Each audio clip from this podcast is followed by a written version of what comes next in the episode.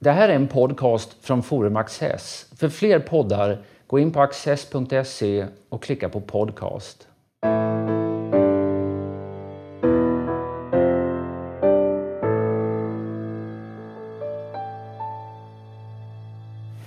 Välkomna till Studio Access. Eh, min gäst idag är Ulla Gudmundsson, skribent, eh, diplomat. Och ämnet är Indien ett stort land som går att tackla på många olika sätt. Vi ska prata särskilt om den nationalism som eh, sätter sin prägel på det indiska samhällslivet idag. Varmt välkommen hit. Tack så mycket. Vad är, är Indien ett nationalistiskt land? Ja, det kan man nog säga. Eh, det är ett stolt land och eh, det tror jag präglade Indien ända sedan självständighetsrörelsen och självständigheten 1947. Men det finns olika slags nationalism i Indien och eh, den eh, som präglade självständighetsrörelsen under Nehru och Gandhi det var ju byggd väldigt mycket på universella värderingar, demokrati, medborgarskap och så vidare. Och den hindunationalism vi ser idag och som oroar en hel del personer den bygger ju mer på vad ska man säga, eh, kulturell, religiöst färgad hinduisk identitet. Så att eh, det är en annan slags nationalism som vi ser växa fram i Indien idag. Är det någonting som har kommit ganska plötsligt eller har den här långa rötter?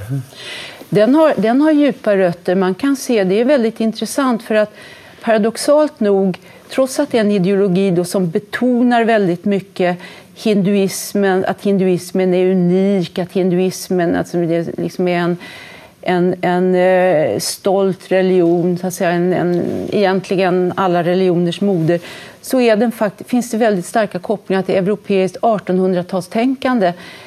Och det finns eh, kanske ännu starkare politiska kopplingar som går tillbaka till 1920-talet till vad ska man säga, europeiskt antiimperialistiskt tänkande, Irland, den irländska fredskampen och ännu mer den italienska risorgimento-rörelsen, alltså den italienska enande nationalistiska enhetsrörelsen.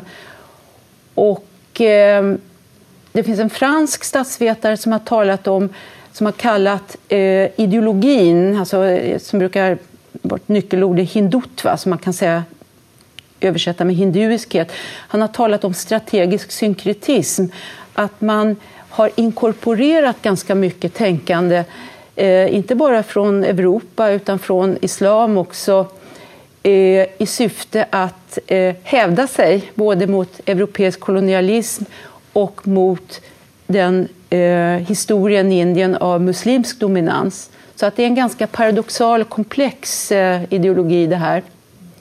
Så är det en, är det en reaktion då säg, mot... Eh, ja, först så styrdes ju Indien från 1500-talet av eh, muslimska moguler och sen eh, kom, det, kom britterna dit. Så det absolut, har det liksom uppstått i ja, det, det, det, det, skulle jag, det, ja. det, skulle, det skulle jag absolut säga. Att det, är en, det är en reaktion på vad indier uppfattar, och det tror jag det ligger en hel del sanning i. De uppfattar att eh, den hinduiska kulturen, religionen, har blivit nedvärderad och karikerad, så att säga, framförallt i västerlandet. Att man har haft en, en eh, schablonbild som har varit ganska föraktfull. Och vad man nu försöker göra det är liksom att betona eh, det stora så att säga, då, i den indiska kulturen. Filosofin, matematiken och så vidare. Och det tycker jag man kan förstå och det, det ska man utan tvekan ge dem rätt i. Vad som är, vad som är oroväckande det är att det också är kopplat till en triumfalism så att säga, och ett liksom, lite förakt då för andra kulturer, tycker jag. Och framförallt en exkludering av de eh, religiösa minoriteterna i Indien. Kanske 15 procent 15 muslimer och mellan 2-3 procent kristna.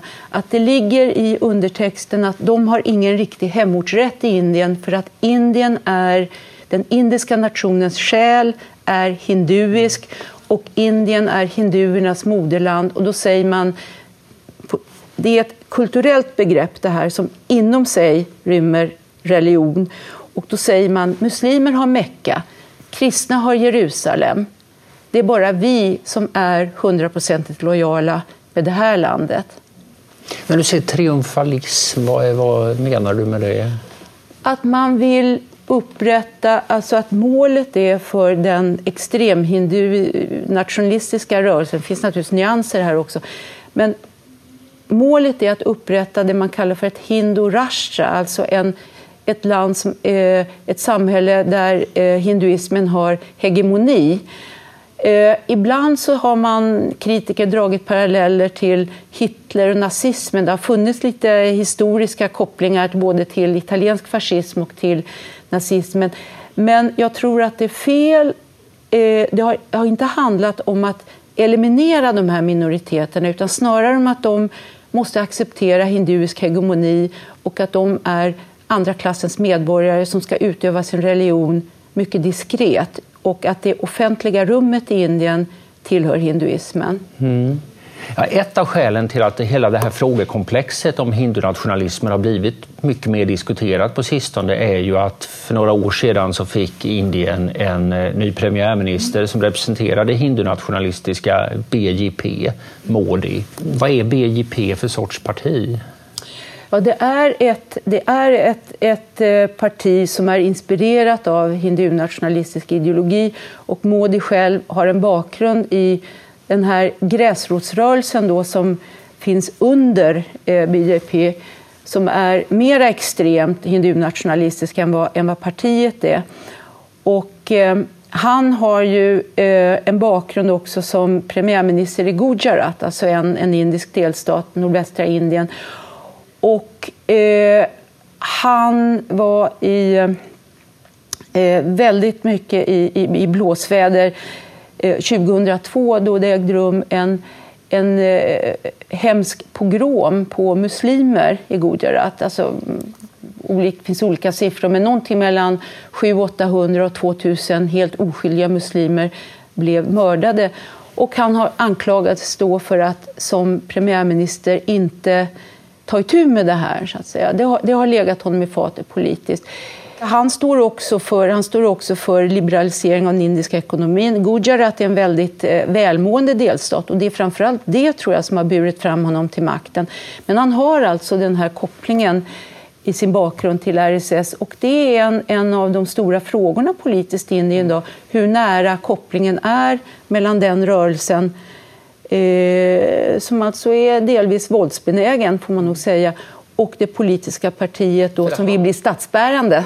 För han som väl är eh, ja, någonstans mellan 60 och 70 idag. Han, han gick med redan som ung i, denna, mm. i den här rörelsen RSS och han har till och med varit anställd där. Är det inte så? Ja, det, det, är faktiskt mer än jag känner till. Men det intressanta är att han ideologiskt har, har den här bakgrunden. Dilemmat för honom det är ju att det indiska... Han vill det är helt uppenbart att hans parti vill bli statsbärande. De vill, vill efterträda eh, Nerus och Indira Gandhis kongressparti som ett statsbärande parti som finns representerat i hela Indien. Det har de inte lyckats med än, men det, det, är, vad de, det är vad de vill. Och dilemmat för honom det är att BJP har uppfattats som ett eh, parti för högkastiga indier och för rika indier, så att säga. Mm. Eh, affärsmän, industrialister. Men idag så röstar också fattiga, lågkastiga, kastlösa i Indien i mycket större utsträckning än vad de gjorde tidigare. Och det betyder att ett parti som vill ha majoritet i landet och i delstaterna måste också vinna deras röster. Och det gör att han måste så att säga, bredda sig.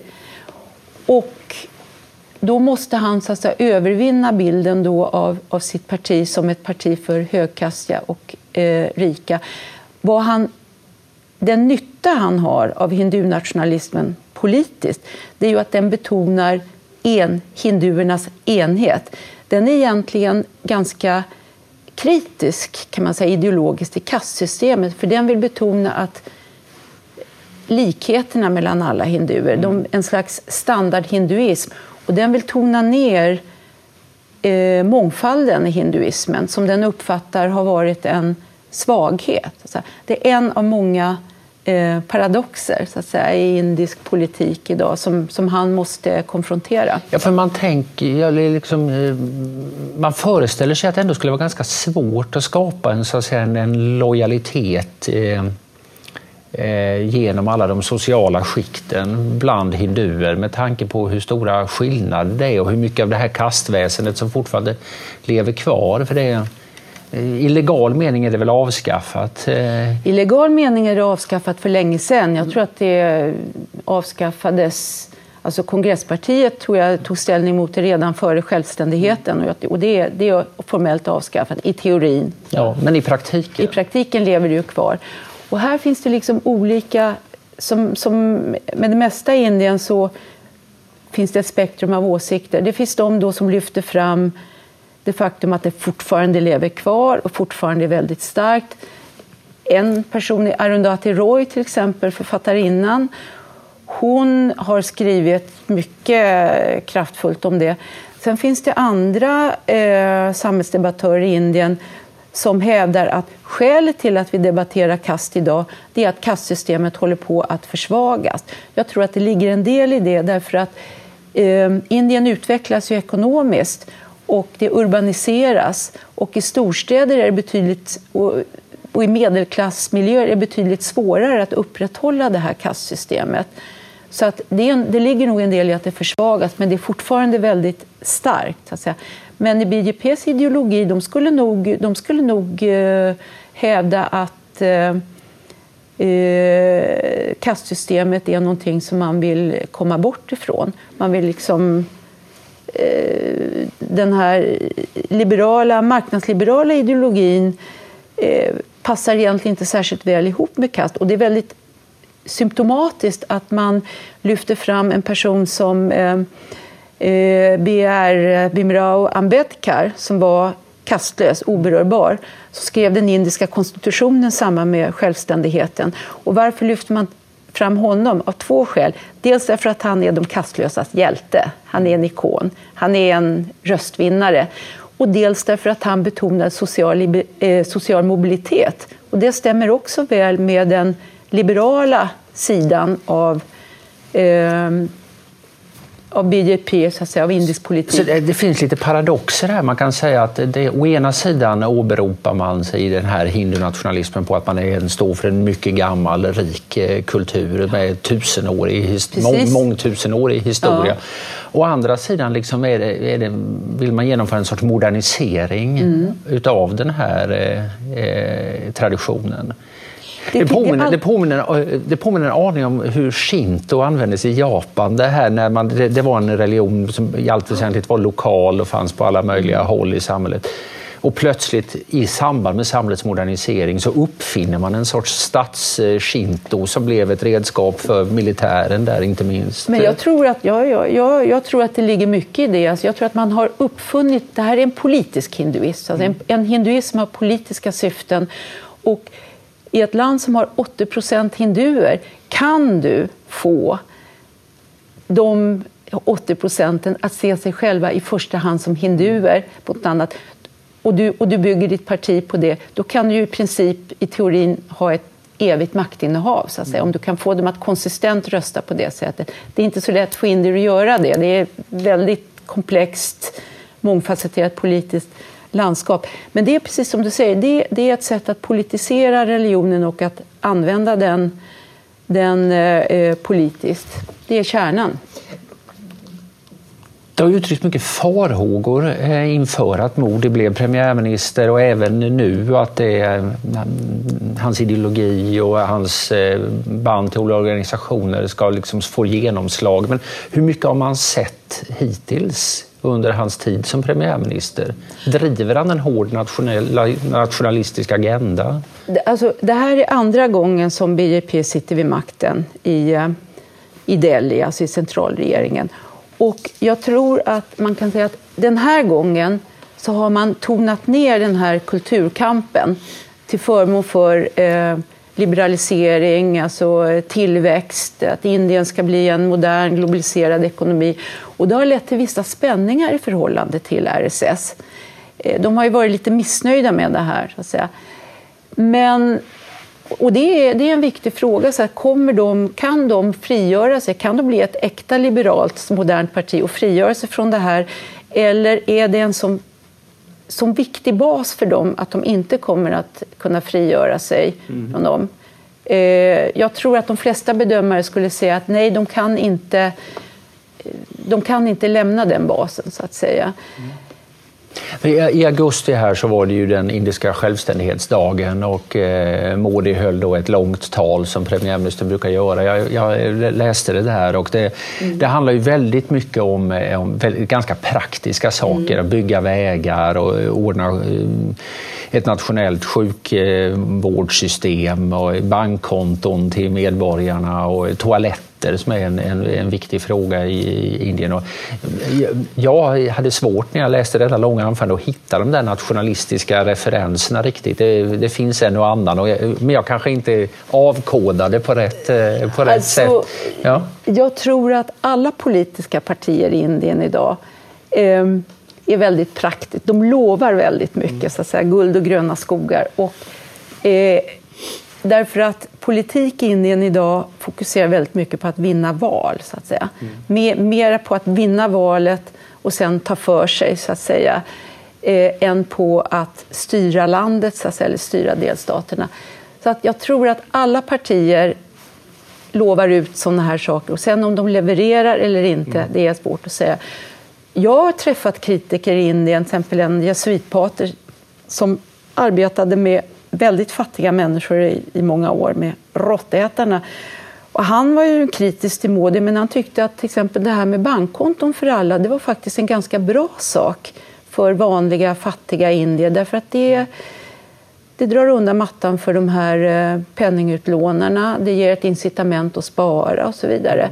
Förutsatt att det indiska banksystemet är stabilt förstås. Mm. För I det här anförandet så talar Modi om att vi är ett land med, ja, med människor av många sorter och det här finns många färger och många former och, och vi måste visa respekt för varandra och leva i fred. Så här, det där upp hans egen mer nationalistiska falang i så fall? Eh, det, är möj, det, är möj, det, är möj, det är möjligt att det gör. Alltså vad han har fått kritik för från icke-nationalister det är att han har varit väldigt tyst. Så att säga. När det har hänt incidenter, så att säga, våldsincidenter så har han inte sagt någonting eh, inte kritiserat de som har begått de här övergreppen. Det har varit, och att han, man har fortfarande inte, skulle vissa hävda, riktigt rätt ut hans roll i de här pogromen i Gujarat 2002. Ganska nyligen, för någon månad sedan bara, så var det alltså, jag tror det var fyra kastlösa som eh, om de blev mördade eller om de begick självmord, jag kommer inte riktigt ihåg, men det var i alla fall en, en mycket uppmärksamhet kring det. Och då gick han faktiskt ut och kritiserade de som hade begått övergrepp mot dem. Och det tror jag är ett uttryck för att någonstans så känner han att han måste vinna eh, de här människornas eh, eh, förtroende också. Och, men det är eh, säkert en mycket svår balansgång för honom för att inte så att säga, tappa förtroendet till sin ursprungliga bas. Då. Om man talar om nationalism så kan man säga att den, den, kan ha lite olika, den kan ta sig lite olika uttryck. Och här har vi pratat mycket om att man använder den som en, en sorts inrikespolitisk ett, eh, vapen. Att man, eh, man hittar en identitet för ett mm. parti som är någonting annat än det här kongresspartiet som, har, eh, som ju styrde under lång tid. Mm. Eh, och, och eh, ja, den blir en effektivt politiskt redskap. Nationalism kan ju också vara i, i relation till omvärlden. Hur märker Indiens grannar av den indiska nationalismen? Alltså jag tror att det finns en väldig stolthet i Indien över att de har de här eh, imponerande tillväxtsiffrorna. Att det har ju, sen om de officiella siffrorna är helt trovärdiga, det kan man också ifrågasätta. Men det talet sägs då att man har en tillväxt på 7 procent, har haft det i ganska många år. Och det är ju imponerande i en världsekonomi som går ganska knackigt. Det är man stolt över politiskt är mitt intryck att man lyckas hålla sig väl med i stort sett alla grannar utom Pakistan som det är, man försöker, Modi har varit där och så vidare, det går upp och ner. Men det är fortfarande en väldigt sårig relation. Men jag tror att man har en kanske lite vaksam, en hyfsad relation till Kina. man har ju tonat ner väldigt relationerna med Sovjetunionen jämfört eh, alltså med Ryssland mm. jämfört med vad kongresspartiet hade med Sovjetunionen då under Nehru. Det som man slås av påtagligt det är ju det mycket varmare och hjärtligare förhållandet till USA. Att man har slutit, man samarbetar mycket närmare med USA också militärt. Och det är ett uttryck för amerikansk utrikespolitik också, så att säga, och kamp mot terrorismen, att man vill bredda sin så att säga, sina nätverk i, i Asien. Har det att göra med det? Det finns ju en väldigt framgångsrik indisk diaspora i eh, USA. Mm. Företagsledare i Silicon Valley, högutbildade. Jag tror det är en, den etniska grupp som faktiskt har högst medelinkomst av alla etniska grupper i, i USA. Är det en faktor i detta? Det är, en väldigt, det är en väldigt viktig faktor som många brukar lyfta fram. Och man kan höra då till exempel att eh, den här diasporan dels kanske den inte lever i enlighet med hinduisk tradition. De kanske till och med äter en och annan biff. Va? Men att samtidigt så blir moderlandet Indien det blir som en ikon för dem. Det blir oerhört viktigt. Det här. Man projicerar väldigt mycket av sin identitet på moderlandet. Ungefär som Israel har varit för judar under väldigt, väldigt eh, lång tid. Och eh, det finns också uppgifter om att diasporan ekonomiskt stöder så att säga, hindu-nationalistiska rörelsen och BJP. Men sen, jag tog upp det när jag var i Indien då med en eh, indier som har bott länge i USA som är eh, fysiker. Mm. Och han sa att det finns ju även andra typer av Indien, indier i diasporan så som, som han själv då stod för, som ogillar den här hindu-nationalismen. Så det är ju liksom inte någon monolit. Men eh, många i diasporan de har ju också intressen i liberaliseringen av ekonomin så, Att liksom, och närmare politiska kontakter med USA. Så att de, de spelar en viktig roll. Mm. Och, och, på det stora hela skulle du säga att om man ska förstå så att säga, den indiska politiken här, har BJP sannolikt mer nytta av, av den här diasporan än vad kongresspartiet det, har? Det, det tror jag. Det, det tror jag. Men alltså, det politiska landskapet har förändrats så kolossalt. Det var ett helt annan värld också, så att säga, då, eh, på, vad ska vi säga, på 70-talet, när kongresspartiet stod på topp, 60 och 70-talet. Det var en helt annan politisk eh, värld. Det var ju fortfarande under det kalla kriget och så vidare. Men eh, jag skulle säga att eh, Indien under Modi vill vara en de vill vara en stormakt i en globaliserad världsekonomi. Mm. Och Eh, jag gissar att de tycker nog att de borde sitta i FNs säkerhetsråd och det kan det ju ligga någonting i. Vad tycker ett parti som BJP om utländska investeringar i Indien? De vill ha maximalt utländska investeringar. Jag var i Mumbai i februari. det finns inte den här nationalistiska skepsisen emot det? Det finns en spänning. Alltså om man, jag var på ett... Eh, det finns ett, eh, ett tempel, ett hinduiskt tempel i Delhi som heter Akshardam där man kan liksom åka de, man kan göra en båttur genom den indiska historien, en mycket selektiv version av den indiska historien. Och det, där ser man påtaglig eh, misstänksamhet mot moderniteten, så att mm. säga. kritik mot mobiltelefoner, datorer och så vidare. Och det går ju helt emot BJPs och Modis ambitioner att modernisera Indien. Så här finns det en, här finns det en spänning. Men här uppfattar jag att man har tagit ställning för moderniteten, globaliseringen och i februari hade man ju en stor kampanj i, eh, i Mumbai där även vår statsminister i spetsen för en stor delegation var med. Make in India. Alltså syftet var precis det, att attrahera utländska investeringar. Och eh, många friar ju till Indien nu. Jag menar, Frankrikes president Hollande var där i februari och skulle sälja Rafale, den här flygplanet och eh, man ska bygga upp eh, en smart city i Chandigarh i Punjab som var en, en, en, liksom en, en stad som designades av eh, Le Corbusier mm. på 50-talet. Så att man vill lyfta upp det. Så att, det här är nog, nog någonting som eh, Modi och den indiska regeringen bejakar och som det finns ett stort intresse för i omvärlden också mm. på grund av den här höga tillväxten. För tidigare har det ju funnits ett stort motstånd mot till exempel att utländska affärskedjor får etablera sig i Indien. Men det motståndet kanske bara har mer med ekonomiska intressen att göra än med, än med ideologi? Det tror jag. Det tror jag inte att det finns något mot. Därför att den här växande medelklassen, den nya medelklassen, den exklusiva medelklassen då som eh, eh, som verkligen bejakar den här utvecklingen, de vill ju ha tillgång till det här. Och den medelklassen, det är ju, den är ju globaliserad. Den, den vill ha tillgång till allt som den västerländska medelklassen har och har det nog i, i stor utsträckning också. Den kan köpa vad den vill på en utländsk marknad och den vill naturligtvis ha de här eh, så att, säga, att de här kedjorna ska etablera sig. Sen finns det många paradoxer i Indien. Så att säga. Jag kan ta ett exempel. Någonting som utländska eh, investerare välkomnade det var att man äntligen kom till skott med en enhetlig moms för hela Indien. Det har ju varit ett mosaik av olika skatteregler som naturligtvis har hämmat då ekonomin.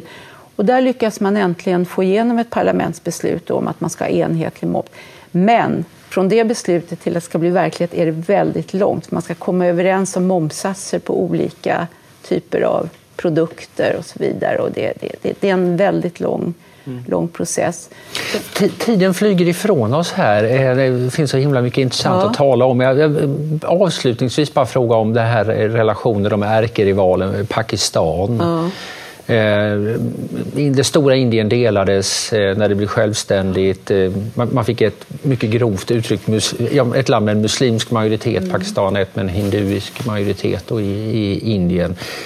Blir det kärvare så att säga, per automatik när ett parti som då är, uppfattar sig själv som nationalistiskt eh, tar över i Delhi? Det finns, alltså, det, det, det finns utrikespolitiskt stora risker med det därför att man kan säga att Pakistan är ju byggt på islam. Det är en islamistisk stat. Skulle den identiteten försvinna då finns det ju egentligen ingenting som skiljer Pakistan från Indien, så det håller man fast vid. Pakistan Vissa säger ju att Pakistan är en armé som har en stat, det är en starkt militariserad stat. Mm. Och som har i sig ett intresse kanske att upprätthålla spänningarna i förhållande till Indien. Och relationerna har ju alltid, de är ju fortfarande väldigt såriga. De, de, klart de går upp och ner lite grann. Och kampen mot terrorismen är en sån här faktor som är utrikespolitiskt då påverkar relationen mellan Pakistan och Indien och relationerna mellan båda länderna och USA.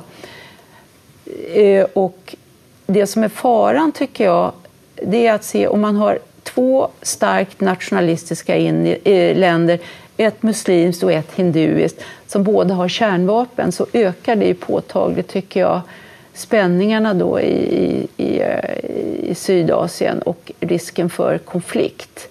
Det kan man inte bortse från. All right.